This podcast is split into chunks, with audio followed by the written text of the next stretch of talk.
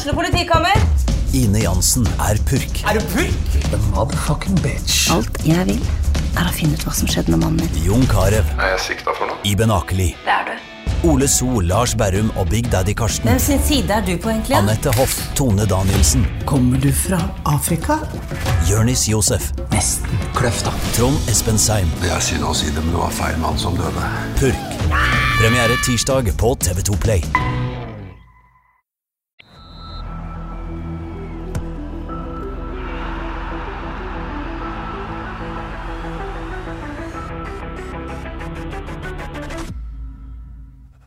Hei og velkommen til episode 75 av Frelst. Mitt navn er som alltid Terje Flateby. I dag gjør vi en liten vri i Frelst. Vi har ingen kamp fra helga å snakke om, og Odd Kåre har tatt ferie. Så eh, da ditcher jeg rett og slett eh, Johannes, og så har jeg invitert en eh, gjest. Velkommen til deg, Kristoffer A. Falkeid. Jo, takk for det. Takk Har, for det. har du det bra? Jeg har det bra. Uh, hatt ei fin helg. Vi starta torsdagen på FKH-quiz på Sportsbaren. Da Vant du? Ja. Jeg hadde et sterkt lag med Nils Halvor Berge og Marten Fausganger. Så det, Ja, det var, det var kjekt, men altfor få. Så det er absolutt noe som jeg eh, anbefaler folk å være med. Er dette en generell quiz eller noe som FK arrangerer, eller hva, hva var greia her? Jeg har ikke fått det med meg. Ja, det er jo Måkeberget som arrangerer det. Og Ja. Vi gikk jo inn i det med den tiltro at det bare var FK-spørsmål. Men det var litt uh, spørsmål om landslaget, litt spørsmål om Eliteserien. Så det var gøy, det. Jeg tror de skulle ha det hver måned fremover. Ja, Så da anbefaler du folk å henge seg på, rett og Ja, slett. gi, Ja. Litt, gi litt uh, motstand. Så bra. Men du, eh, nå har jeg sagt navnet ditt. Folk har hørt stemmen din nå. Tror du måtte en nå skjønner hvem, hvem er han her, og hva gjør han i Frelst? Nei, i utgangspunktet hadde jeg nok ikke gjort det uh, før uh, dette med damelaget. Uh, eh, det har vært noen artikler med det, at jeg er en slags koordinator på, på det prosjektet. Hvis du skulle hørt om meg før det, så måtte det vel vært i forbindelse med at du er ekstremt interessert i juridiske tester. Ja, Det er jo mange Frelst-lyttere som er det. Ja. Eh, ja. Ja, men kanskje vi skal rett og slett begynne med å plassere deg litt, da. Eh, vil du fortelle litt om deg sjøl, eller skal jeg komme med en masse intrikate spørsmål? Hva foretrekker du? Nei, jeg kan jo begynne helt overordna, Ja. så kan du heller følge på. Ja. Jeg er Kristoffer Falken, som sagt. Jeg er 33 år. Født og oppvokst i Haugesund. Og etter åtte år så flytta jeg tilbake eh, i 2015 eh, som dommer i Haugland tingrett, og så har jeg vært advokat siden 2017. Og jeg er fotballinteressert og har eh, vært en klubbnomade i barne- og ungdomsfotballen. Spilt på Haugar og Djerv og Verd. Så Alle tre, altså. Var det godtatt eh, da?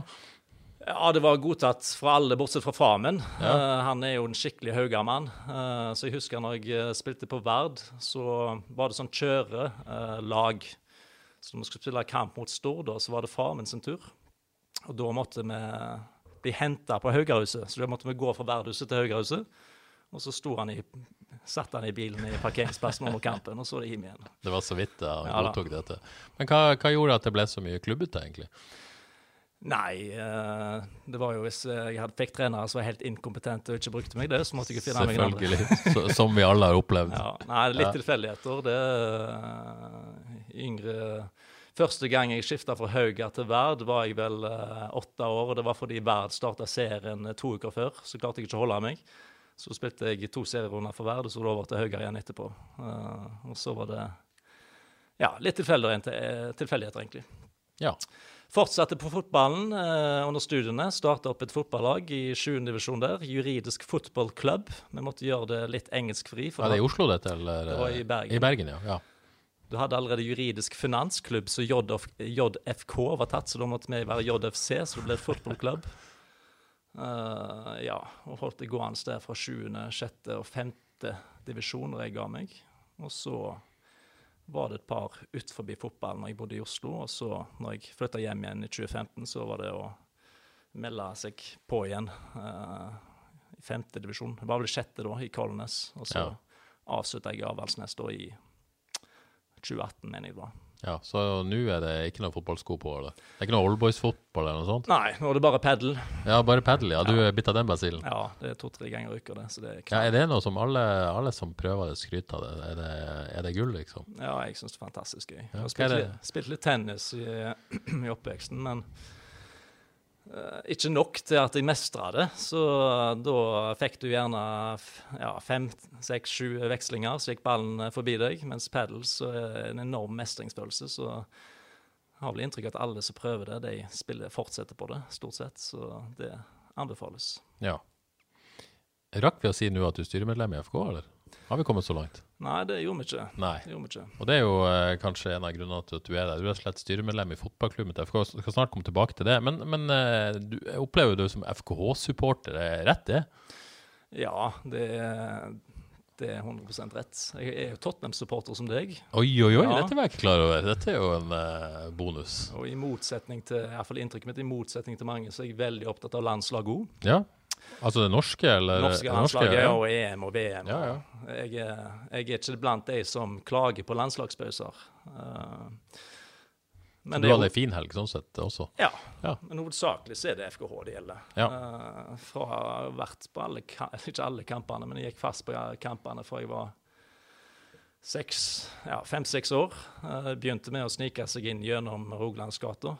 Før i tida, jeg vet ikke om du kan gjøre det, men da kunne du snike deg gjennom en hage der. Eh, hvor jeg og Enseth og Håkon Leknes da hadde oppdrag å samle sammen mest mulig flasker. Det er glad strategi, og Håkon Leknes var rask, så du gikk vi under alle setene. Ei, ei, ei. Uh, ja, og gikk fast på alle kamper egentlig fram til jeg flytta fra byen som 19-åring. Og så var det tilbake igjen når jeg flytta hjem. Så mitt klareste minne uh, fra jeg var ung, var vel oppvekstkampen mot Sogndal. For eh, da klarte jeg ikke å snike meg inn. Da, Å ja. Da var det fullt, og eh, da var det litt strengere krav. ja, Ja, så bittert. den kampen kom jeg ikke inn på, så da Ja, fikk du sett for noe gratishaug eller noe sånt, eller? eh? Nei, eh, jeg var ikke så fin, som Jeg var ikke mer enn åtte år da. Nei, så da sant. var det springe løpende, grinende hjem igjen. Det var ikke akkurat sånn at det gikk på TV heller i den tida. Ja, det gjorde sikkert det, men uh, Ja, kanskje, jeg ja. husker ikke det. 1995, ja. Ja. Ja, men jeg ser det jo, så du har bakgrunnen i orden. Det er det ingen tvil om. Ja da. Ja, du er faktisk så fotballinteressert at uh, vi har jo en eh, spalte her i siste ukene i Frels som heter Jet Elver, som uh, Grøtland og Husebø pleier å ta sammen. Men du er sporty nok til å ta sjansen på en Jet Elver alene. Ja, vi prøver på det. Og så Ja. får det heller enten uh, imponere jeg, eller så skuffer jeg, så får vi se hva det blir. Ja, men du har jo eh, Det er jo ikke akkurat store sko du har å fylle her. De har jo gått alt fra ja, de, OK, de klarte ti sist, men eh, de har vært nede i tre, så eh, det er ikke så mye å frykte sånn sett. Ja. Nei, men det er bra. Da har vi det på plass. Eh, ja, skal vi si det sånn? Det er jo omtrent der plassert. Eh, du, du, du eh, bodde jo noen år i Oslo, jeg leste sånn, man gjør jo litt research òg. At det var litt sånn eh, Reiste hjem og Fikk følelsen at du kunne gjort en bra juskarriere i Oslo. Har du noen gang angra på at du flytta hjem? Nei, det har jeg ikke. Jeg skulle hjem eh, på et eller annet tidspunkt uansett, men så ble det bare et par år tidlig, for tidlig. Eller ikke for tidlig, men tidligere jeg hadde sett for meg. Men eh, jeg kan ikke angre på det. Altså, jeg har det veldig fint og har fått meg samboer og barn og eh, ja, eh, har fått lov til å jobbe i et kjempeinteressant yrke i min egen hjemby med masse ansvar og attpåtil fått lov til å ha i rolle, litt rolle i FK, så jeg stortrives, jeg. Ja. Ja. Får du tid til noe annet enn familie og jobb og fotball, eller? Er det som Ja, det er jo padel. Ja, og padel, da. Ja. Da har vi det. ja, da har vi det. det Ja. ja. Nei, det er stort sett det det går i, ja. Ja. Ja. Nei, men det høres bra ut, det. Ja. Men eh, styremedlem i FKH, altså. Eh, og for fordi, det er jo to styrer i FKH, for de som lurer på det. Det er et fotballklubbstyre og det er et AS-styre. Eh, du sitter i fotballklubbstyret, ikke sant? Det er vi enige om. ja, jeg sitter i begge. Sitter du i begge, ja? Ja, ok, Du kom inn i det AS-en, nye AS-et da, på et vis? Ja. Ja, å, det, Dette blir jo litt komplisert, men det ble jo dannet et nytt AS eh, i fjor høst, var det ikke det? Rundt årsmøtet. Ja. Eh, Nils Halvor Berge var jo i begge i utgangspunktet, Ja. og så ga han seg. Eh, så da måtte det være Det er sånn at klubbstyret har to representanter inni A-styret. Ja. Og Der kom jeg inn i bildet da. Der kom du inn i bildet. Ved siden av eh, Leiv Helge Kallim. Så du setter både både fotballklubben og der den egentlige makta er i AC, eller? Ja Den finansielle makta er iallfall i A-styret, men jeg oppfatter ikke sånn at de eh, Ja, jeg oppfatter det veldig ryddig på at sport er sport, og ja. Ja, men det er bra. Eh, men for å begynne, da. Eh, hvordan havna du i styret i FK Haugesund? Nei, jeg eh, meldte mitt kandidatur, rett og slett. Eh, det var vel eh, Ja. Jeg har jo alltid eh, vært FKH-fan, som sagt. Så var det i forlengelsen av den Hordaland-konflikten. Uh, hvis vi kan kalle det en konflikt. i hvert fall uh, Tror du lov å kalle det en konflikt? Hornland-casen. Ja. uh, hvor det var noen uenigheter mellom eh, FKH og Rosenborg på, på det juridiske, Uh, hvilken kontrakt som gjaldt. Eh, I forlengelsen av den da, så visste jeg at, at det skulle være et uh, nytt valg på styret en måned eller to etterpå.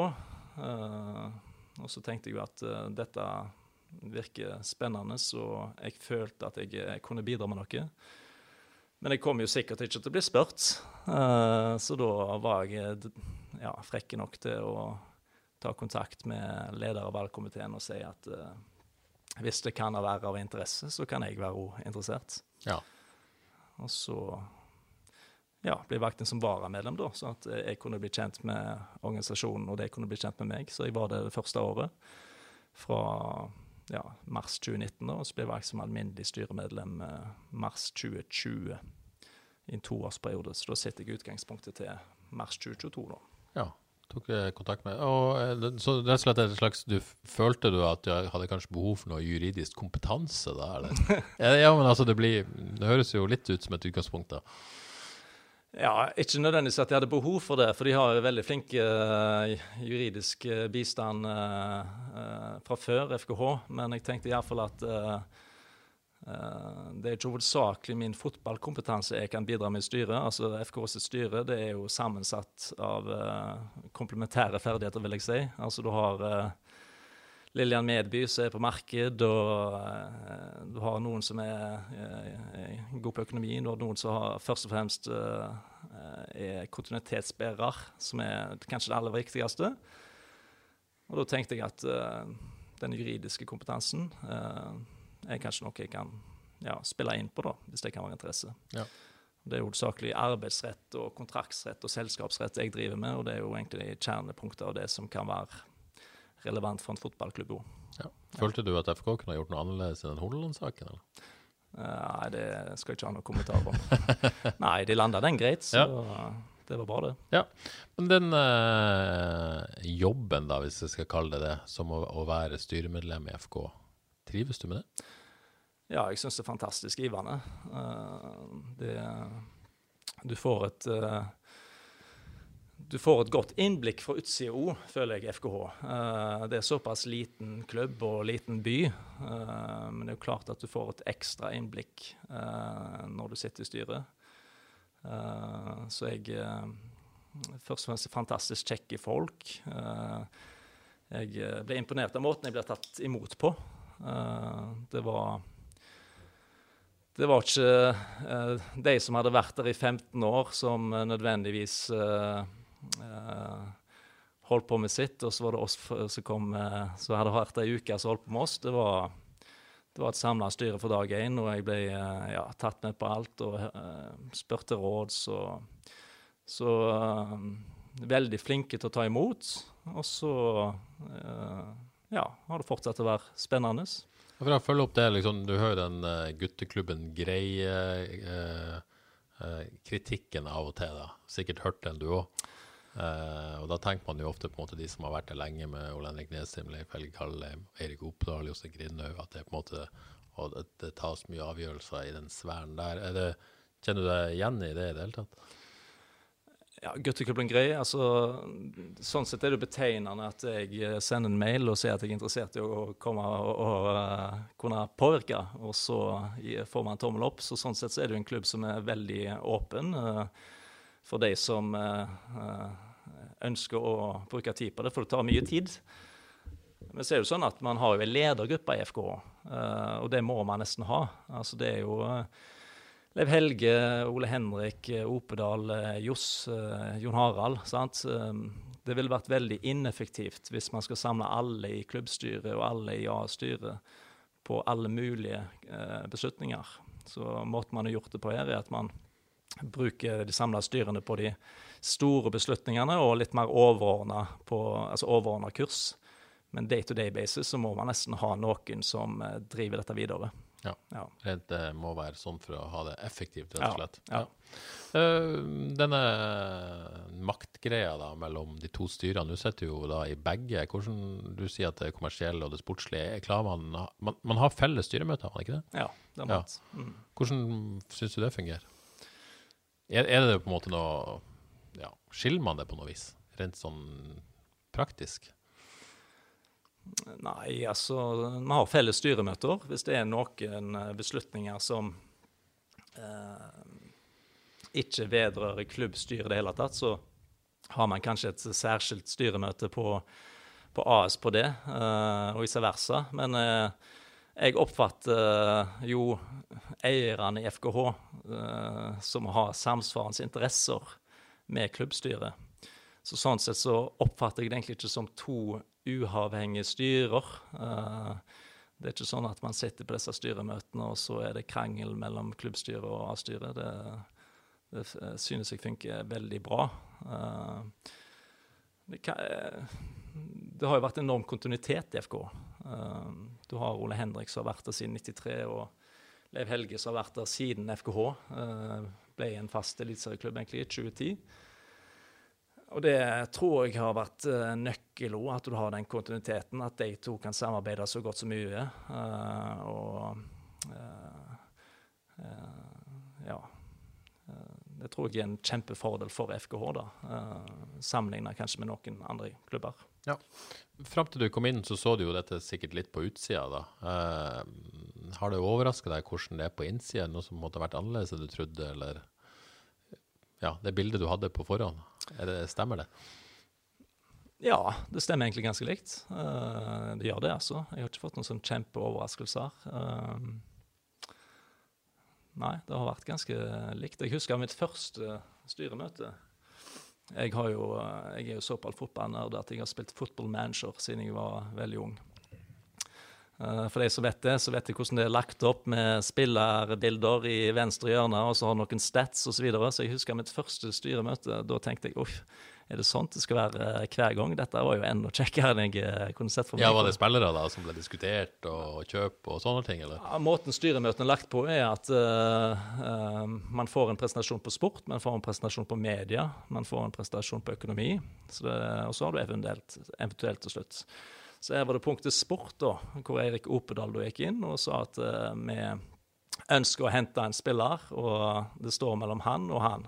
Hvor det var bilde da oppe i venstre hjørne og litt stats. Ja, det er koselig, da. Da tenkte jeg OK, nå er det football manager real life. ja, ja, ja, ja, ja. Men uh, det er jo klart at uh, når det gjelder sport jeg var litt, eneste jeg var litt usikker på fra utsida, var i hva stor grad styret spiller inn på det sportslige. Uh, Uh, og der er svaret at det gjør man i liten grad på uh, detaljnivå. Altså ja. i den grad styret setter det, så er det jo for å uh, sette noen overordna føringer på hvilken klubb man ønsker å være. Ja. Men når det er når da, For å ta, ta, ta, dette eksempelet, når Opelal presenterer disse spillerne, så er jo det mer for å orientere. Ja. Så det har jeg vært litt bevisst på, at uh, jeg skal ikke som være fotballfan innen det styremøtet og se at jeg har mest tro på han. Det blir ikke avstemning i styret hvem dere skal gå for da når man har to alternativer? Nei, det er ikke sånn det fungerer nei, sånn for de som tror det? Nei. nei. Men, uh, men, det du sier, er at styret selvfølgelig legger rammene da på et vis. Eh, både økonomiske og, og andre typer rammer, og så er det sport som bestemmer da innenfor de rammene. Det er vel sånn det fungerer sånn omtrent. Ja, det stemmer. Ja. Mm. Men uh, hvis FK signerer en ny spiller, da. Det er ikke sånn at du noen gang blir overraska når det kommer i avisa? Eller på fk.no? Ja, ting skjer jo fort, ja. uh, så det kan hende, det. Ja, Det er jo av og til vi er før, så det, det kan ja. hende. det skjer jo. ja. Nei, stort sett så blir jeg ikke overraska, nei. Nei. nei. nei. Det informeres i hvert fall. Ja. ja. Så uh, det er litt sånn uh, ting man kan tenke på at når man har da gått for å være Eh, en vanlig fotballfan, og hvor man da spekulerer om ting uh, sammen med mine brødre og min far, som er like stor fan som meg, mm. fra plutselig å faktisk vite at det kommer en spiller i morgen. Det er en sånn omveltning. Uh, plutselig kan du ikke diskutere like mye. Ja. Ja. Men eh, har du, eh, som, som supporter, da, ser man ofte litt sånn svart-hvitt, og det er mye enklere på en måte å mene noe og være tydelig. altså den og den, den veien. Når man, eh, Min erfaring er når det kommer på innsida av ting, så, så er ting sammensatt, og det er forklaringer på det meste, og det, det er kom, mer komplisert enn man kanskje skulle tro. Det, har du på en måte fått et litt annet perspektiv på det når du kommer på innsida? Eller er du er en klok mann, så du tenkte kanskje disse tankene på forhånd? Ja, jeg vil ikke si at jeg har sett på det svart-hvitt, iallfall. Jeg har vel tenkt at det, det er vel gjerne noen eh, Hvis jeg har stussa over noe, så har jeg kanskje tenkt at det, ja, det er vel en grunn til det. Eh, så i den grad det er noen forskjell der, så er vel heller at jeg har litt mer innsyn i hva den grunnen faktisk er. Eh, så, men det har ikke vært sånn kjempeforskjell på det, nei. nei. nei det å være styremedlem i FK, er det noe status knytta til det i Haugesund? Ja Om det er status Jeg, jeg syns iallfall det er et gjevt, uh, gjevt verv å kunne ha. Uh, så jeg tenker for de som bryr seg om uh, FKH og er hardbarka fans av fotball og, og, FKH, så i min verden så burde det iallfall vært en viss status å, å å kunne være en i styret. Men jeg, eh, jeg vet ikke om menigmann deler den tanken med meg. Nei, nei, det er ikke godt å vite. Um, opplagt vært noen tøffe år uh, nå med, korona i FK, som, som mange andre både i, i, fotballen og utenfor fotballen har opplevd. Uh, hvordan har det vært å stå i det? Har det vært tøffe tak å være med på det? Ja, det har vært tøffe tak, det. Uh, det har jo både Altså administrativt. Det har jo vært nedskjæringer og uh, veldig usikker situasjon. Og styret har vel måttet backe opp de som har jobbet med dette hver dag, da. Uh, og det har vært tøft. Det blir, når det blir mindre folk å dele på oppgaver nå, så er det jo klart at du må finne en balanse på de som er igjen. At du ikke de kjører seg for hardt. Uh, det har litt vært det jeg har kjent på det. Uh, og så er selvfølgelig usikkerheten. Uh, så finner man uh, muligens en åpning for å avbøte denne usikkerheten. OK, kanskje man kan Kanskje man kan prøve å sikre noe med dette stadionsalget, som man, man i utgangspunktet ikke ville ha ønska, og så drar det ut. Og så kommer det en rettssak på toppen. så det har vært jeg tror 2020-2021 uh, uh, Hvis du hadde spurt de som har vært i styret lenge, så har nok det vært uh, år som er mer preget av action enn alminnelige år. Ja, ikke sant. Ja. Eh, du sier tøft med, med de ansatte. Altså det, det, er jo sånn i de fleste bedrifter man, Hvis man må kutte, så, så, forsvinner kanskje ansatte. Men oppgavene er jo der. Oppgaven er der. Fortsatt. Mm. Eh, og, og blir fordelt utover. Så, så det har på en måte vært noe du har kjent på litt? Den er på en måte velværen til de ansatte, da, på et vis? Ja, klart. Både mm. for uh, uh, de som uh, ja, måtte gå, og i forhold til de som ble igjen nå. det har blitt nedlagt mange timer i administrasjonen. Og Det er jo litt av ja, Måten man kan bidra da, er jo at styret må bidra, eller ja, har, har, dere gjort mer i denne perioden enn normalt, da, på et vis? Ja, Nå vet ikke jeg så mye hvordan styret eh, bidro tidligere, men Nei. det er klart altså, i forhold til kampavvikling så bidrar styret. sant? Og ja. Da er det gjerne styret som står i, styremedlemmer som står i døra, og styremedlemmer som eh, eh krysser av på listene på disse losjene. Dugnad, rett og slett. Dugnad. Så jo, henger jo litt sammen. altså Vi kommer kanskje tilbake til med dette eh, dameprosjektet òg. Altså, mm. det er jo styret er veldig på der. Mm. Uh, Skal komme tilbake til det, ja. definitivt. ja. Uh, for å ta det, da. Uh, du var inne på det sjøl, disse stadionmillionene som ser ut til å komme. Vi, vi, er vel enige om det fortsatt venter et vedtak i AS-styret, ikke sant? Ja, stemmer det. Ja, vet du noe om når det vedtaket eventuelt kommer? Nei, det, det trenger Nei, nei, nei, du, nei, det skal være et styremøte der, i hvert fall. Ja. Men hvordan ser du på, på måte det Eh, fra utsida så ser det ut som det kommer på en måte da, minus den gjelda dere har til kommunen, så kommer det 29 millioner inn til FK. Så er det jo sånn at i realiteten så er jo dette fordelt over mange år. Eh, jeg tror det er fem år, hvis jeg ikke tar helt feil, at disse pengene blir utbetalt. Eh, og, og dere har jo forpliktelser nå større enn før eh, overfor kommunen med tanke på Eller leia er der fortsatt. Kommer, hva kommer dette til å bety for FK, denne avtalen, hvis den da, da blir godkjent i, i styret? Ja, Hvis den blir godkjent Nei, altså fordelen Jeg tenker i enhver klubb så er jo det ansett som en fordel å eie sitt eget stadion. Og Bakgrunnen for det er jo at man FKH betaler jo mange millioner, flere hundre tusen per seriekamp, faktisk, i leie til kommunen for å spille der. På et eller annet tidspunkt så hadde jo de leiebetalingene vært avslutta, og da hadde man hatt en ja, et, et enda bedre grunnlag i, i klubben for å ta, ta, de neste stegene. Motsetning til det nå er jo at man fortsetter som leietager. Og det er jo noe man Grunnen til at man har tatt det steget, er jo fordi at man ja, har slitt med likviditeten og usikkerheten på hvordan salget i år skal bli, 2021.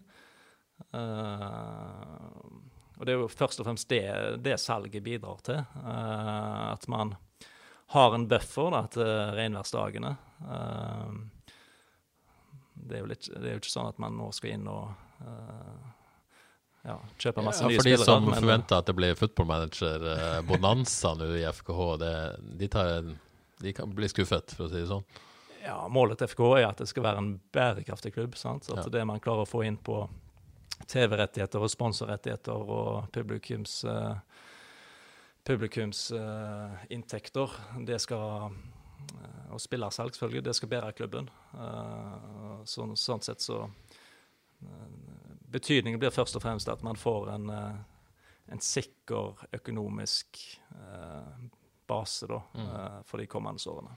Men du er jo inne på det på, måte, på, på, sikt. Hvis man har klart å stå i dette, så vil jo det vært gunstig for FK. For da har man på en måte kommet ut av dette og faktisk eid sitt eget anlegg og ikke betalt leie. Ja. Eh, Nå blir det litt sånn et uttrykk som heter å pisse i buksa for å holde seg varm. Eh, og det, blir, det, er jo ikke helt det for dere, på en måte, det er jo en grunn til at dere gjør dette. Men er det hva man rett og slett i en sånn situasjon man er nødt til å tenke litt kortsiktig. At man for å i det hele tatt klare å stå i det, så må, måtte man ta dette valget. Ja, det er sånn jeg oppfatter det òg. Uh, det er jo uh, På det tidspunktet når dette ble spilt inn, så var ikke jeg i, i uh, A-styret heller. Men det er jo klart at det har jo vært A-styret som har vært den økonomiske garantisten til FKH. Eh, når man eh, ikke har klart å når man ikke har klart å være eh, bærekraftig, når man ikke har klart å lande et, et nullregnskap, så det er jo klart at når de økonomiske forutsetningene endrer seg så, såpass betydelig uh, ingen spillerinntekter pga. at det er samme usikkerhet i alle andre klubber. Publikum får ikke komme på stadion. Uh, medierettighetene uh, muligens uh, Hvor det muligens blir varsla at de vil bli redusert. så, så antar jeg at man Eller da kommer man jo i en modus der man ikke helt vet hvordan man skal få dette gjennom, og da, da har man eiere som 100% tenker på FKH Uh, og da tar man dette grepet. Ja. Tøff beslutning å ta, eller? Og nå er den jo ikke tatt ennå, skal sies, sånn Nei. endelig. Nei, jeg skal ikke forskuttere noe der, men det er jo klart at hvis man uh, går den veien, så er jo det en tøff beslutning å ta. Uh, helt klart. Er det noe som helst sjanse for at styret i ASA kan si nei til den avtalen som foreligger? Ja, eh, det er ikke noe formalia-behandling på det. Så det er ikke sånn at uh, jeg vet hva alle vil stemme på. Uh, så jeg, jeg, vet ikke med sikkerhet om dette vil bli gjennomført, jeg. Så. Men det vil i hvert fall komme som en overraskelse hvis det ikke blir. Man har på en måte fått et inntrykk at man har forhandla fram en avtale her med kommunen, i hvert fall. Så, så, sånn sett så vil det være en overraskelse, i hvert fall. Det ja, det Ja, det blir nok en overraskelse. Nei, nei, vi får nesten bare vente og se. Ja, rett og slett vente og se. Um, det vi kan i hvert fall være enige om, til, til tross for dette, så har FK da eh, over tid stabilisert seg eh, i Eliteserien og blitt et stabilt eliteserielag, en av de mest stabile i Norge, faktisk. Eh, eh, så er det sånn at man havner som regel et sted mellom ja, Man havner på tredjeplass i 2013, og så kan det være nede i tiende-ellevteplass et sted. Eh, jeg vet jo at veldig mange i FK har lyst til å på en måte ta et steg til, da, og ikke bare være et stabilt eliteserielag, men litt oftere utfordre helt i toppen, da. I hvert fall eh, oftere kjempe om medaljer, og enda oftere være i Europa og alt det her. Hva, sånn som du ser det, da, hvis jeg tør å spørre om det, hva, hva må ta til for å ta det steget? Ja, først og fremst eh, for å ta uh, hva jeg ønsker, da. Ja. Uh, jeg jo ønsker jo selvfølgelig at man skal gjøre det best mulig. Uh, jeg tenker det aller viktigste det kan være at det er en sånn eh, defensiv tilnærming, men i, mitt, i min verden så er første prio å ha en eliteserieklubb. Ja. Så man kan aldri ta sjanser, eh, mener jeg. Man kan aldri ta sjanser som eh, gjør oss eh, Eksponerer oss for mye for at ting kan gå skeis. Og når man har den basen i bånn, så må man gjøre det beste eh, best mulig. Eh, Men, men det der er litt vanskelig, er det ikke det? Fordi at av og til så må man ta noen sjanser for å ha sjanse til å ta steg. Det der er en vanskelig vurdering, vil jeg tro, i nesten alt dere gjør. Ja, og det kan jo kanskje tenkes at det fikk, har, vi, har eh, fått et godt eksempel på denne sesongen. Man kunne bli værende på med Vaji og Deslor. så solgte man dem. Og da kom jo disse problemstillingene helt på spissen. Skal man gå all in her og prøve å kanskje lande en bronse, Ja. eller skal man uh, tenke på klubben, uh, tenke på framtida? Så det er jo sånne vurderinger man er oppe i hele, hele tida, det. Ja, og det er vanskelige diskusjoner, det. Ja, det kan være vanskelig, det. Men Ja, den konkrete diskusjonen der, da. Ja, det, det er ikke noe sånn at gitt at man uh, ønsker å gjøre dette. Så dette har vært en konkret vurdering. Men uh, uh, til syvende og sist så Det er jo forskjellige meninger om dette, men jeg er iallfall klar på at det er ekstremt viktig at man får penger for de spillerne man har, og det er det som er god klubbdrift. Og prøve å unngå i det lengste at spillere skal gå ut av kontrakt. For plutselig gjør man det én gang, så gjør man det to ganger, og så Det skal ikke så mye til før eh, ting ikke går i hop. Mm. Men eh, som du sier, her kunne man tatt en sjanse. Man kunne ha beholdt de, eh, og satse på at man på en måte fikk de pengene igjen i form av da, en god plassering, medieinntekter og kanskje Europacup. Det er jo på en måte den, de vurderingene man må ta, da. Ja, Samtidig så hadde man jo henta spillere på forhånd. Ja. sant? Man hadde jo egentlig to erstattere av Badji inne, for, for å ta det eksempelet. Så det var jo en vurdering på at man Altså At man eh, solgte ikke og sa liksom OK, nå er denne sesongen over. Man tenkte jo at eh, vi er fremdeles med i løpet. Ja. Men uh, da tilbake til spørsmålet. Hva, hva kan man gjøre? Liksom? Man, du sier man kan ikke ta sjanser med eliteserieplassen. Det vil dere ikke gjøre. Men samtidig så vil man jo ta det steget, da. Er det å være tålmodig og bare tro på det man holder på med, at før eller senere kommer gjennombruddet, da? Ja, altså man har jo, hatt, man har jo klart mye Ja. allerede. Altså, man har en eh, bronse, man har to fjerdeplasser, man har to cupfinaler, man har flere europacupeventyr, og dette er de siste ti årene. Ja. Så eh, FKH eh, får mye til deg allerede, og det har det gjort med å gjøre det på den måten man driver, med å ha kontinuitet, med å ha tæring etter næring. Så eh, i min verden så skal man ikke endre så mye på måten man drifter klubben, eh, men at man hele tida tenker langsiktig. Man eh, henter inn unge spillere eh, med videresalgspotensial. Og det er klart at man har venta på dette her en kjempesalget som andre klubber har fått. Og hvis man noen gang klarer å få det, så kanskje man ja, Ja, for det er en enorm katalysator hvis du får det der 30-40 millioner-salget. Da kan man på en måte ja, bygge mye ut fra et sånt salg. Klart det. Det hadde betydd ekstremt mye for, Ja. en, for en klubb som FKH. Så hvis man noen hadde klart det. Og det er jo det man jobber for uh, hver dag. Altså det er jo de vurderingene man tar hele tida. Skal man hente han litt usikker på chain, eller skal man hente han uh, som vi vet uh, er god nok eh, fra dag én, eh, som er 30 år? Da er det, skal det veldig mye til for at, eh, sånn som jeg oppfatter at det ikke Opedal og resten som styrer sport der, ikke går for, uh, framtida. Ja. Ja, det har jo en tydelig strategi på det. Det er vel ingen tvil om. Um, ja, du, du, du var jo inne på det, footballmanager, og uh, vi har jo alle vært der. Det er et eller annet med å komme inn i en klubb og være så nært de beslutningene som tas. Er det, er det, er det, du, er aldri frista til å mene om det, altså, som du sier. Du klarer å holde deg unna det? Mener noe om Ja, altså det sportslige. Sånn eh, han og sånn og gjør det sånn og i det hele tatt.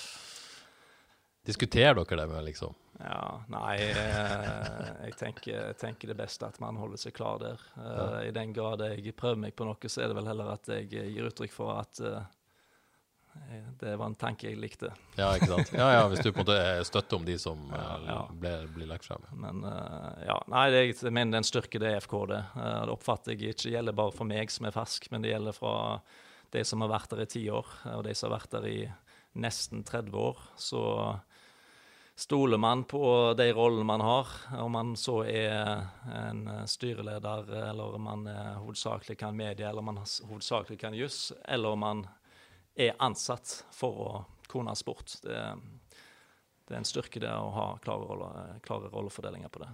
Ja.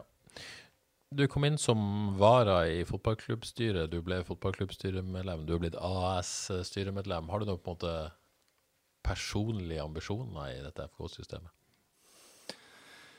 Først og fremst så syns jeg det er fantastisk eh, eh, å, å ha de lederne man har nå, eh, med eh, Ole Henrik eh, i A-styret og, og alle de andre eh, i A-styret, og Kallheim som eh, leder i, i klubbstyret. Vi hadde, hatt, vi hadde Nils Alvor Berge, som eh, jeg lærte ekstremt mye av i måten eh, detaljfokuset hans i styre, styremøtene.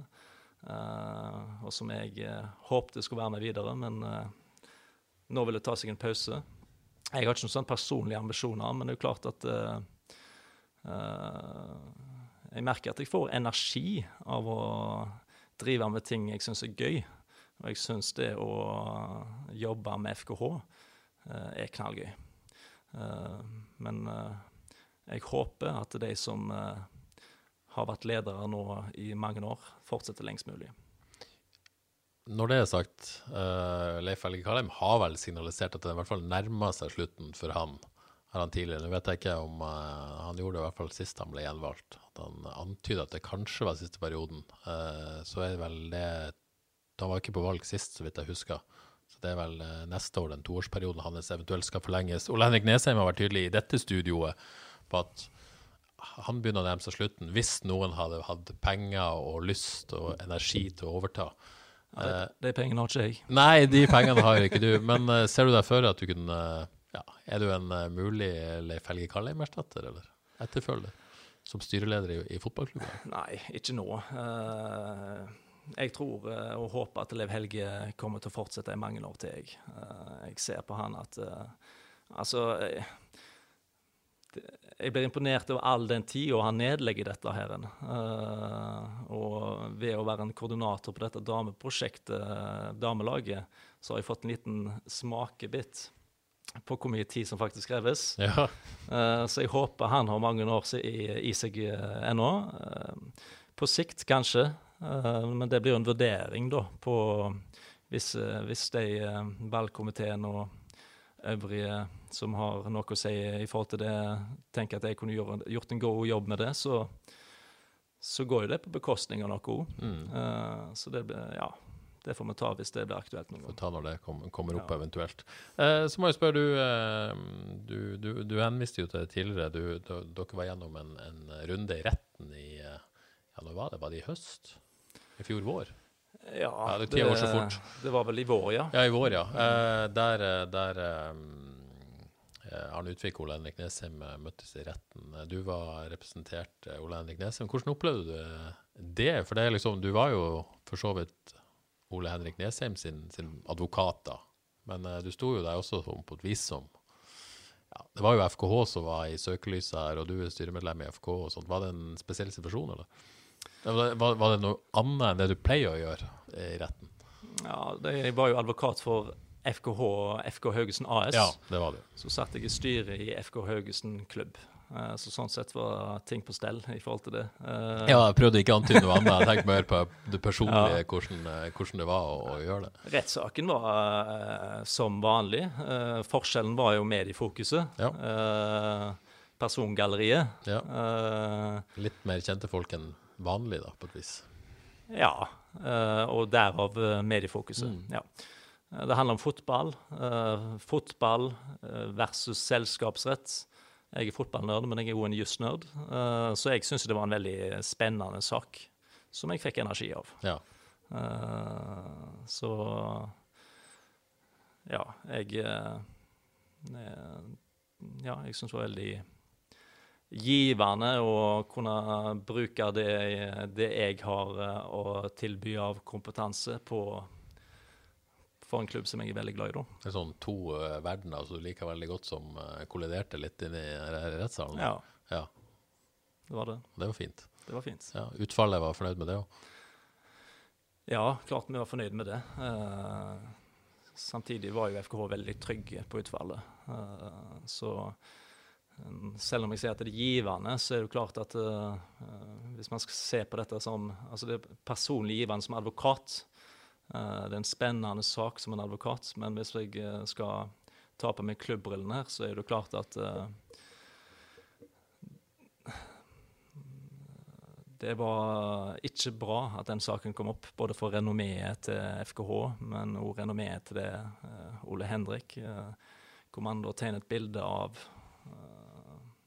Man tegner vel et bilde eh, på saken at eh, eierne eh, tenker på sine egne lommebøker før de tenker på FKH, og det oppfatter jeg vel at alle som har noe som helst peiling på uh, historikken til FKH, uh, at det ikke henger i hop. Ja, er det så langt fra sannheten som, som det er mulig å komme, nesten? eller sånn som du ser det? Ja. Ja.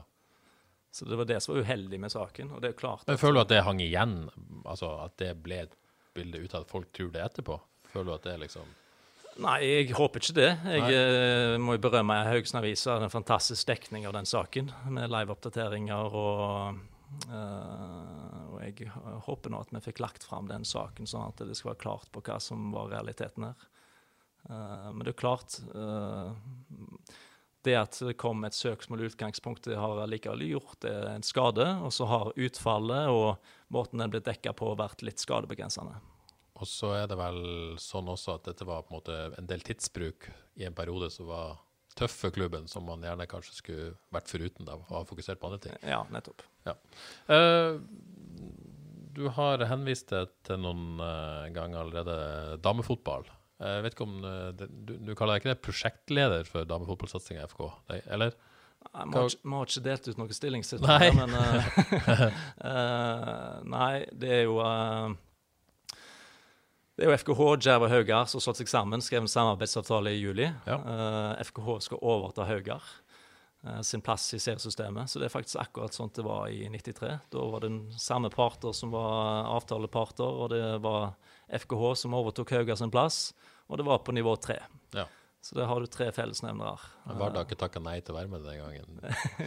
Nei. De har ikke fått tilbud heller, si. Nei. Uh, uh, jeg kaller meg ikke prosjektleder, uh, men vi har to grupper. Vi har uh, en gruppe som fokuserer på det sportslige, og så har vi en gruppe som eh, tar det orga, ja, organisering og tilrettelegging. Og så har vi ressurspersoner i, i begge de to gruppene, og så prøver jeg å holde trådene. Ja. Ja. Hvordan er det å holde de trådene? Det det er gøy. Det er tidkrevende òg. når man eh, Det er travle folk òg. Og så skal man eh, Men jeg tenker det er en styrke at eh, det damelaget som kommer her nå, det får legitimitet i eh, alle tre samarbeidsklubbene. Framfor eh, det mest effektive hadde jo vært å eh, ta disse telefonene, eh, sånn som vi gjerne er vant med å jobbe i FKH. Det er ikke nødvendigvis sånn at man har styremøter på alt, men at man ringer litt rundt. Men uh, her har vi valgt å heller uh, gjøre dette at man får legitimitet i Haugar, legitimitet i Jerv, og så har vi disse møtene. Og så må vi sette av tid til møtetidspunkt som passer for alle. Så det tar litt tid, men det er kjekt. Grundig prosess, rett og Ja slett. da. Ja. Hva, hva, kan du si litt om, om status? Hva, hvor står dere akkurat nå, da? Nei, eh, det står jo der at man har eh, fått eh, avtalen underskrevet. Man har sendt inn søknaden til forbundsstyret. Ja, for den skulle være inne 1. oktober, ikke sant? Ja. Den er sendt. Den er sendt. Ja. Så er neste steg å ansette trener. Og det nærmer seg. Ja. Eh, så kan jo jeg si til de der ute at jeg har jo prøvd å få deg til å si ting om dette senest i forrige uke. Da var du veldig ordknapp. Eh, og så har du på et eller annet tidspunkt eh, sagt at du håper at en ansettelse skal være på plass i begynnelsen av oktober. Hvis jeg ser på kalenderen nå, så er vi 11. oktober. Ja. Jeg begynner å nærme oss i overkant i midten av oktober, og da har vi man gjerne passert begynnelsen av oktober. Jeg vet ikke om det er det juridisk rette begrepet, men hvor nært er dere? Nei, vi er nært. Ja. Uh, så det, det er ikke noe hemmelighet. uh, at vi, vi har jo hatt uh, en vi- kjørte jo søknadsrunde på det. Det er jo ikke alltid man gjør det. Vi valgte å gjøre det av to grunner. For det første Kanskje det kommer noen som vi ikke har tenkt på. Og like viktig er jo egentlig for å få litt blest rundt dette, at vi er på ballen. Eh, nå skjer det ting. Eh, vi tenkte like mye på det. Du vet, du, Hvis du er blest, så må du si masse og legge ut og dele og sånn. Da får du blest. Ja, jeg, eh, jeg, jeg snakker gjerne mye, jeg, men eh, visse ting er det greit å ha, ha litt eh, eh, ryddig prosess rundt. Ja. Eh, så fikk vi søknader, og ja, vi er i gang med samtalene. Og det, det nærmer seg noe. Og når, eh, når vi har det, så skal jeg eh, gi deg beskjed med en gang. Det gleder vi oss veldig til. Men eh, vi har jo på en måte skrevet at det har vært mange søkere. og Dere er fornøyd med responsen? da? Ja, vi er veldig fornøyd. Det har vært eh, flere, eller mange lokale søkere. og Søkere både fra Stavanger-området og Bergensområdet og Østlandsområdet og Nord-Norge og eh, Trøndelag og Sogn og Fjordane og Sverige og Danmark. Og så har man fått en del fra Spania og Portugal. og ja. Det, Mange trenere er på jakt etter jobb, for å si det sånn. ja. Har det vært en utfordring at jobben på en måte er en deltidsstilling? da? Har det på en måte følt at det påvirker noen søkerlister? Ja, det sier seg sjøl at en 100% stilling er mer attraktiv enn en deltidsstilling. Så det sier seg sjøl Odo at det påvirker hvem som søker. Det, eh, men eh, vi er trygge på at vi lander en kandidat som er, som er kjempebra. Ja. Så har du sikkert fått med deg, det har på en måte vært litt sånn kritikk mot denne damesatsinga til FKH. Hvis du på en måte tar det, så vil liksom inntrykket hos noen i hvert fall at man virker som FK gjør det eh, mest fordi omgivelsene forventer at man skal gjøre det, at det er politisk korrekt å gjøre, at det er inn i tida, mer enn at man liksom FK virkelig føler at dette er rett, og at man ønsker å satse på damer for alvor. Eh, og, og dere har vært tydelige på at man ønsker å bygge såkalt organisk, at man skal, på en måte, skal bygges ut fra det det, det sjøl på en måte genererer deg på et vis. Um, hva, hva tenkte du om, om den kritikken om at dere egentlig ikke vil dette, men gjør det fordi dere på en måte må? Nei, jeg kjenner meg ikke igjen i det hele tatt. Uh, jeg gjør ikke det. Uh, jeg skulle gjerne uh, starta på høyest mulig nivå jeg, og hatt alle penger i verden på å bruke dette eh, på dette damelaget. Eh, men sånt, sånt er ikke verden for oss. Eh, eh, men jeg opp, selv om man da sier at man ønsker å gjøre dette med organisk vekst og steg for steg og stein på stein og alle de ordene der, eh, eh, så så oppfatter jeg at man har amb- kjempeambisjoner for laget. Man, eh, det, er en, eh, det er en måte å jobbe på som man er vant med i FKH. eh, At eh, man, eh, man ønsker å få et solid økonomisk fundament, men bli best mulig innenfor det fundamentet.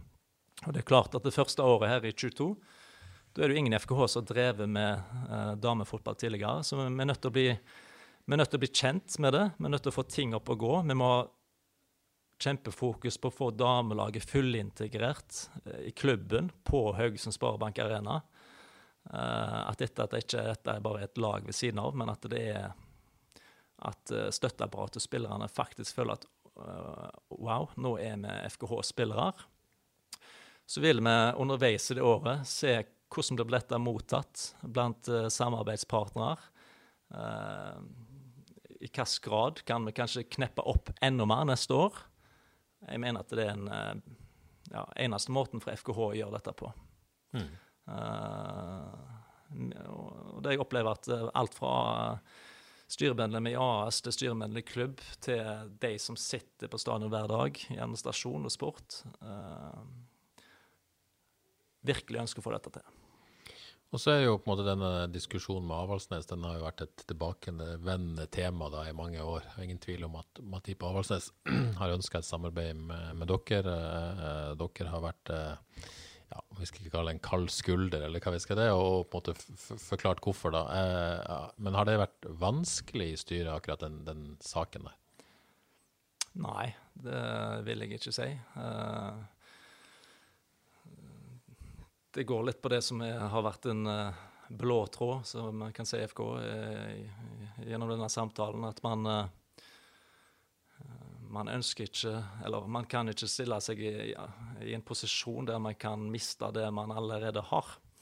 Uh, og Det er jo respekt uh, både for de som uh, har dette som jobb, spillere og administrativt og sportslig ansatte, supportere av byen, samarbeidspartnere. Så jeg opplevde egentlig ikke at det er så veldig utbredt at man faktisk ønsker at FKH skal ta en sånn kjempeøkonomisk risiko hvis det kan gå utover det man allerede har.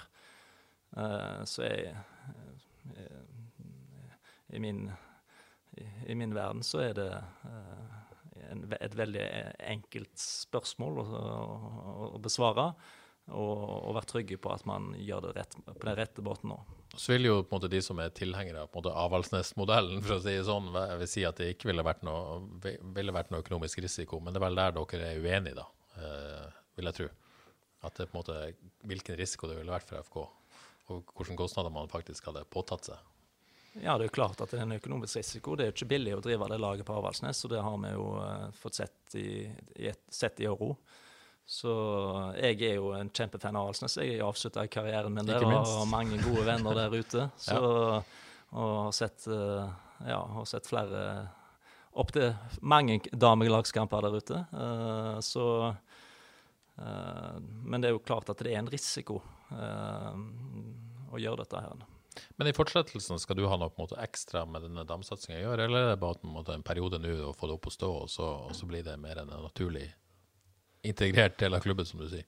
Nei, mandatet vårt er å få det opp og gå. Uh, få ting på stell, holdt jeg på å si. Uh, og så går jo dette inn i FKH på vanlig måte, uh, hvor det blir et samla styre som blir styret for dette damelaget på samme måte som herrelaget, og det blir de som er administrative og sportslige ledere i form av eh, Jon Harald og Eirik, som eh, leder dette laget på daglig basis. Og selvfølgelig en hovedtrener. En hovedtrener, ja. Og for de som hører på, som skulle være i tvil om det, så, så FK damer ser dagens lys i 2022, ikke sant? Overtar da Hauga sin plass i, i andredivisjon. Ja, 1. Ja. januar. Ja. Mm. Det var jo en periode der Haugars plass i andredivisjon var litt trua. Var du litt svetta, eller? Ja, jeg skal være ærlig på det. ja. jeg eh, skal være ærlig på det. Så der viste jo klubbene nå at de kunne samarbeide. da. Høyre og Jerv samarbeider allerede godt i gang. Eh, Jerv hadde en kjempespiller i, i Solfrid som kom litt ut av intet og begynte å, å golle målet til mål for Jerv. Hauger på den tiden sleit litt i det offensive spillet, primært, hvor da Djerv eh, sa seg villig til å slippe den spilleren til Høygar. Eh, hvor man da kort, bare et par dager etterpå, ble kjent med at Høygar ville uh, holde plassen sin uansett. Ja, ikke sant? Ja. Men det er uansett bra at den spilleren uh, får kjenne på nivået på andredivisjon. Ja. For uh, ja, det er gode muligheter for at det det kan være tenkes at det er en spiller som går over til FK neste år. Ja, ikke sant. Eh, sånn, og innenfor det, den stallsammensetninga neste år, begynner dere virkelig å se på det når trenere er på plass? Eller er det på en måte noen tanker i gang der i den sportslige gruppa? Nei, uh, jeg skal være ærlig på det at uh, jeg har ikke nok kjennskap til damefotball til å begynne å ha formeninger på hvilke spillere som skal tas ut der. Jeg har vært på en del kamper både på Jav og høyere det siste. Men måten vi legger dette opp på, er at man får denne treneren på plass. Og så skal treneren sette sammen disse spillerne. Det er ikke meg og Randi Kvali og Lillian Medby og resten av disse i, uh, ressursgruppene som skal ha noen formening om det. Høres ut som en fornuftig uh, vurdering der. Uh, tilbake til herrene. Uh, vært litt tunge tider på banen de siste tre tap på rad. men Mjøndalen, hjemme på stadion på søndag Jeg hadde jo en sak her i forrige uke om at det var bare Mjøndalen så dårligere enn FK de to siste månedene. snur det på søndag? Kristoffer? Ja, det føler jeg meg trygge på. Ja. Eh, vi har jo vært kjempegode på hjemmebane i år. Ja. Så eh, ja, jeg tror vi kommer tilbake på vinnersporet mot, eh, mot Mjøndalen. Ja, så blir det veldig spennende å, å se hva som skjer på banen. Jostein Grindhaug innrømte jo at han gjerne skulle gjort ting annerledes mot uh, Tromsø sist, uh, og se om det får noen konsekvenser. Er det sånn at du er du spent på laget når det kommer, og hvordan, hvordan har du det på kampdag? Eh, Og, og har du noen oppgaver forresten òg, eller sånn konkret? Ja, det, er, det bytter vi litt på. Ja, ja. Uh, rulleringsordning. Jeg Ja. tror ikke jeg har noen oppgaver på den kampen. Nei. Nei, uh, hvordan jeg har det på kamp da? Jeg syns først og fremst det er knallgøy å gå på kamp. Jeg, jeg, jeg er blant de som syns det er en helt annen opplevelse å gå på stadion og se, om å se det på TV. Det er hele ramma rundt. det, både det å se på kjentfolk, snakke med folk, og så begynner kampen, og diskusjon om kampen før kampen, og snakk i pausen. Eh, Jeg syns det er en perfekt søndagsopplevelse. Men eh, jeg er ikke blant de som ikke klarer å sitte i ro fordi jeg er så nervøs. Eh, Det er jeg ikke. Klarer du Ja, du klarer å på en måte slappe av og kose deg, liksom? Ja. Ja, det er viktig. Tror du, vi har jo vært inne på det, og det er viktig for dere, tilskuertall og sånt. Eh, jeg tror det var Jon Harald Log som var inne på det. at han tror kanskje, Nei, jeg tror kanskje det var Jostein Grinde sa det til meg. at det, Han tror det vil ta tid på en måte før eh, man er tilbake til normalen. At folk har lagt seg til andre vaner, som du sier, se kamp på TV i, i denne perioden. Tror du òg det, at det liksom, man må bygge dette opp igjen? Ja, jeg tror det at det kommer til å ta tid, at det er nye vaner. Og jeg mener at det må vi ha fokus på fremover. Eh, vi har eh, virkelig gjort en kjempejobb på eh, marked i forhold til samarbeidspartnere i det siste. Så mener jeg at det må være et fokusområde fremover nå, og virkelig få folk tilbake på stadion. Det kommer nok til å ta tid, men det tenker det må diskutere, diskutere det, hva vi kan gjøre. Så må FK begynne å vinne kamper igjen før folket folk gidder å komme, antageligvis òg. Ja, det er klart at det er det aller viktigste, men det er ikke nødvendigvis at det, at det løser alt heller. Altså, du har Bodø-Glimt som har gjort det kjempebra, men det er ikke nødvendigvis knallmange supportere der heller. Så det er Man må sette seg ned her og finne ut hva, hva er Hvordan skal man Hva er problemet? Ikke sant?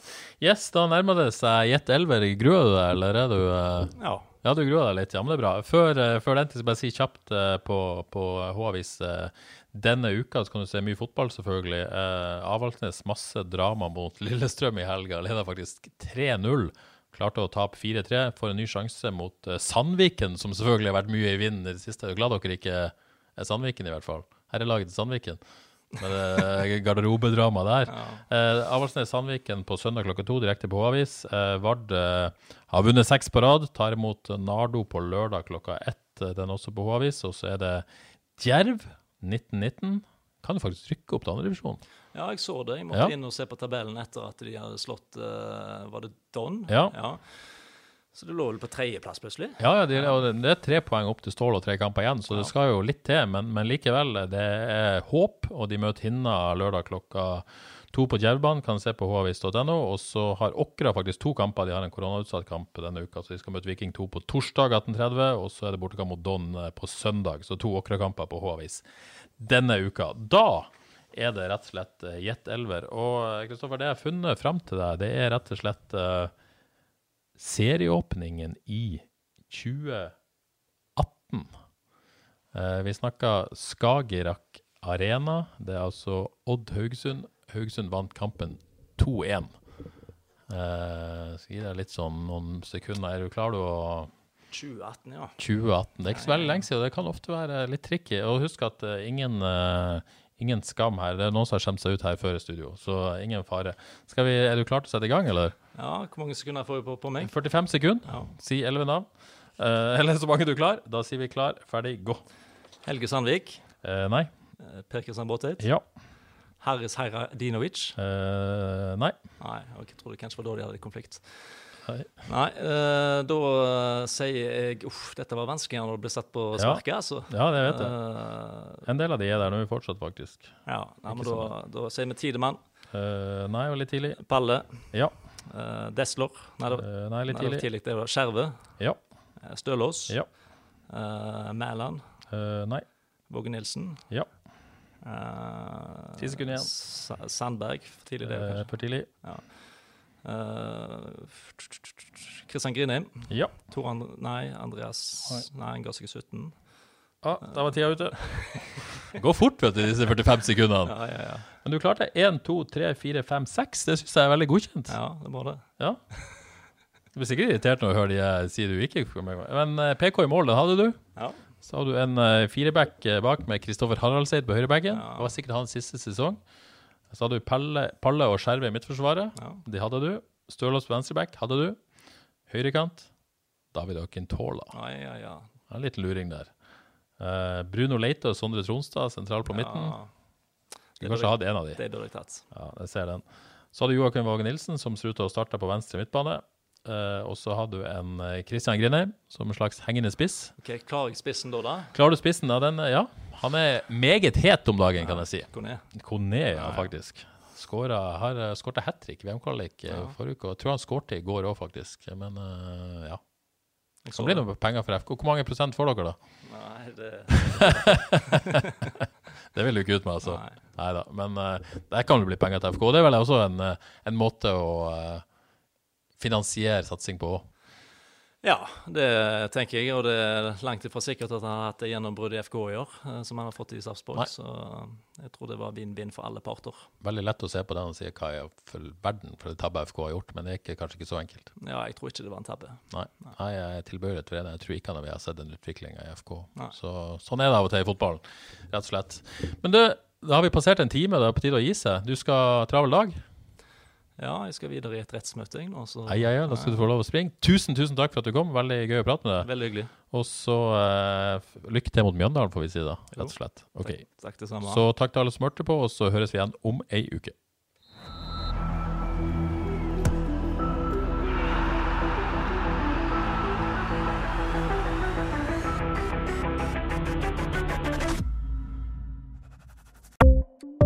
Ukens annonsør er HelloFresh. HelloFresh er verdens ledende matkasseleverandør og kan være redningen i en travel hverdag. Mange av oss har nok vandret i butikken både sultne og uten en plan for middagen, som ender med at vi går for de samme kjedelige rettene gang på gang. Middag burde være dagens høydepunkt. Som HelloFresh kan du nå velge mellom 25 ulike retter hver eneste uke, eller få HelloFresh til å sette sammen menyen for deg. Dette gir deg muligheten til å prøve nye og spennende retter alene eller sammen med familien. Du velger antall porsjoner og får alt levert på døren på et tidspunkt som passer for deg. Oppskriftene er enkle, og maten er lett å lage både for store og for små. Ved å få alt levert hjem får du også mer tid til å dele matgleden med familie og venner. Kanskje det frister med asiatiske tacos eller greskinspirert kylling? Da kan jeg anbefale deg om å gå inn på hellofresh.no. Her kan du bruke koden FOTBALL og få opptil 1779 kroner i rabatt på de første fem matkastene hvis du ikke har prøvd HelloFresh tidligere. Du kan også bruke rabatten hvis du har vært kunde og stoppet abonnementet ditt for tolv måneder siden eller lengre. Gå inn på hellofresh.no og bruk koden FOTBALL. Har du et enkeltpersonforetak eller en liten bedrift? Da er du sikkert lei av å høre meg snakke om hvor enkelt det er med kvitteringer og bilag i fiken, så vi eh, gir oss her, vi. Fordi vi liker enkelt. Fiken superenkelt regnskap.